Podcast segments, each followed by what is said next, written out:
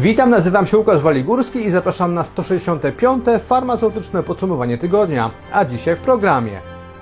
Usługa szczepienia w aptece będzie bezpłatna. Ministerstwo zapowiada podwyższenie marsz aptek. Wysyłkowa sprzedaż leków przez sklepy zielarskie. Czwarta dawka szczepionki przeciw COVID-19 dla medyków. Leki latem mogą być niebezpieczne. W minionym tygodniu odbyła się konferencja prasowa wiceministra Macieja Miłkowskiego wspólnie z prezes Naczelnej Rady Aptekarskiej Elżbietą Piotrkowską-Rutkowską. Podczas tej konferencji przedstawiono m.in. informacje o szczepieniach przeciwko grypie w aptekach. W trakcie tej konferencji padła bardzo ważna informacja, na którą aptekarze, którzy szczepią przeciwko COVID-19 i chcą szczepić przeciwko grypie, bardzo długo czekali. Ta informacja jest taka, że NFZ, Narodowy Fundusz Zdrowia, będzie płacił za wykonywanie usługi szczepienia przeciwko grypie w aptekach przez farmaceutów. Innymi słowy, dla pacjentów usługa szczepienia w aptece będzie bezpłatna. Uzgodniliśmy, że będziemy finansować szczepienia dla pacjentów na grypę. Od 1 września takie szczepienie będzie można wykonać w aptekach, jak również w podstawowej opiece zdrowotnej i innych podmiotach leczniczych, które zgłoszą się do NFZ o możliwość rozliczenia finansowego świadczenia zdrowotnego. To świadczenie zostało wycenione przez Agencję Oceny Technologii Medycznych i wzrosło z 17 zł do 21,83 zł za szczepienie. Oczywiście te informacje bardzo pozytywnie przyjęło środowisko farmaceutyczne, szczególnie ci farmaceuci, którzy czekali na informacje z Ministerstwa Zdrowia o tym, jak ma wyglądać system szczepień przeciwko grypie od września. Część aptek już zaopatrzyła się w szczepionki przeciwko grypie, dlatego teraz mają już wszystkie niezbędne informacje do tego, aby od września wdrożyć w swoich aptekach szczepienia przeciwko grypie. Podczas tej samej konferencji wiceminister Maciej Miłkowski przedstawił bardzo ważne i ciekawe informacje na temat marsz na leki refundowane w aptekach oraz na temat dyżurów, jakie apteki świadczą w soboty, w święta oraz w dni wolne mm, od pracy. Po ostatnich doniesieniach o brakach leków i małej rentowności aptek oraz hurtowni farmaceutycznych wiceminister Maciej Miłkowski zapewnił, że marże te zostaną podniesione. Te zmiany dotyczące e, marż na leki refundowane zarówno aptek, jak i hurtowni mają znaleźć się w nowej wersji projektu ustawy refundacyjnej, a w zasadzie nowelizacji ustawy refundacyjnej, który to projekt jest już znany od ponad roku. W tym samym projekcie mają też się znaleźć zapisy dotyczące finansowania nocnych, sobotnich oraz świątecznych dyżurów aptek przez Narodowy Fundusz Zdrowia. To są zmiany, o które środowisko aptekarskie walczy już od ponad 20 lat. Szczegóły tych zmian mamy poznać najbliższym najbliższych tygodniach. Eksperci niepokoją się jednak, że ten projekt nowelizacji ustawy refundacyjnej jest bardzo duży, a jego procedowanie może zająć bardzo dużo e, czasu. Tymczasem zmiany w marżach e, zarówno aptecznych, jak i marżach hurtowni farmaceutycznych są potrzebne jak najszybciej.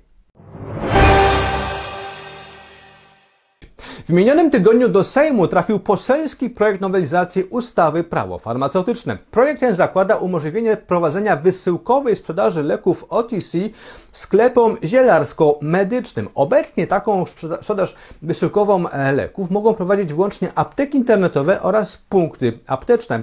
E, autorami tego poselskiego projektu nowelizacji prawa farmaceutycznego są posłowie Kukiz 15 oraz Prawa i Sprawiedliwości.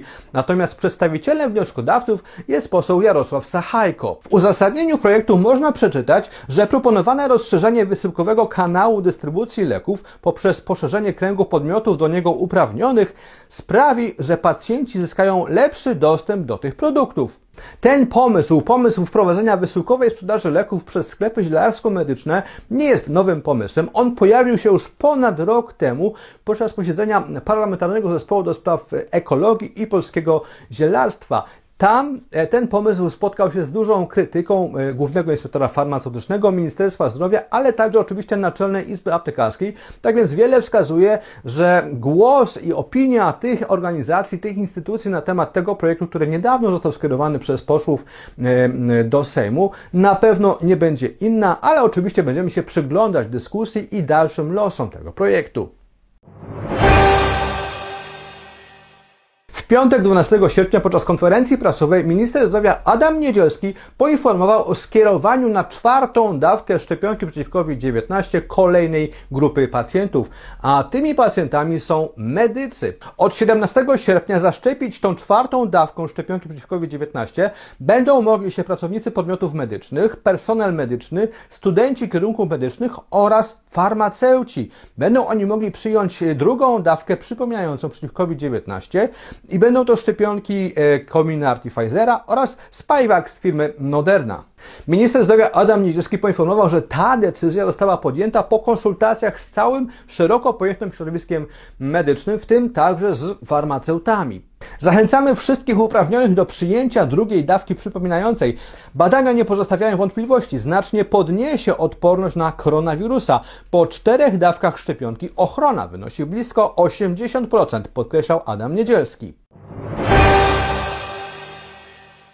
W minionym tygodniu swoją premierę miał kolejny odcinek programu z cyklu Kwadrans z farmacją. Tym razem jego gościem była doktor nauk farmaceutycznych Anna mm, Kowalczuk, była dyrektor Narodowego Instytutu Leków, a tematem rozmowy były niebezpieczeństwa związane ze stosowaniem leków latem. W tym programie mówiliśmy m.in. o tym, jak bada się trwałość leków i ich wrażliwość na czynniki, takie jak temperatura. Mm, doktor Kowalczuk wymieniła m.in. konkretne leki, które są bardzo wrażliwe na temperaturę i na światło. Rozmawialiśmy także o niejednorodnych wymogach dotyczących przechowywania leków w aptekach i w placówkach obrotu pozaaptecznego. Poruszyliśmy także oczywiście temat wysyłkowej sprzedaży leków latem. Czy ona jest bezpieczna? Odpowiedzi znajdziecie w programie. A na koniec rozmawialiśmy o reakcjach fotoalergicznych i fototoksycznych, o tym jak je rozróżnić i jakie substancje wywołują właśnie takie reakcje. Serdecznie zachęcam do obejrzenia tego programu. To naprawdę spora dawka bardzo ważnych i przydatnych informacji. I to już wszystko w tym farmaceutycznym podsumowaniu tygodnia. Bardzo dziękuję za uwagę. Oczywiście po więcej informacji z rynku aptecznego, rynku farmaceutycznego zapraszam na portal mgr.farm. Tam codziennie przygotowujemy nowe artykuły, nowe doniesienia na temat tego, co ważnego dzieje się na rynku aptecznym, na rynku farmaceutycznym. Tradycyjnie zachęcam także do czytania naszego magazynu dwumiesięcznika mgr.farm, który jest największym tego typu czasopismem dla farmaceutów w Polsce, a obecnie jest bezpłatny. Można go spokojnie, bezpłatnie pobrać z naszej strony. Zachęcam do jej odwiedzenia, zachęcam do pobierania. A w farmaceutycznym podsumowaniu tygodnia to już wszystko. Bardzo dziękuję za uwagę i zapraszam na kolejny odcinek już za tydzień.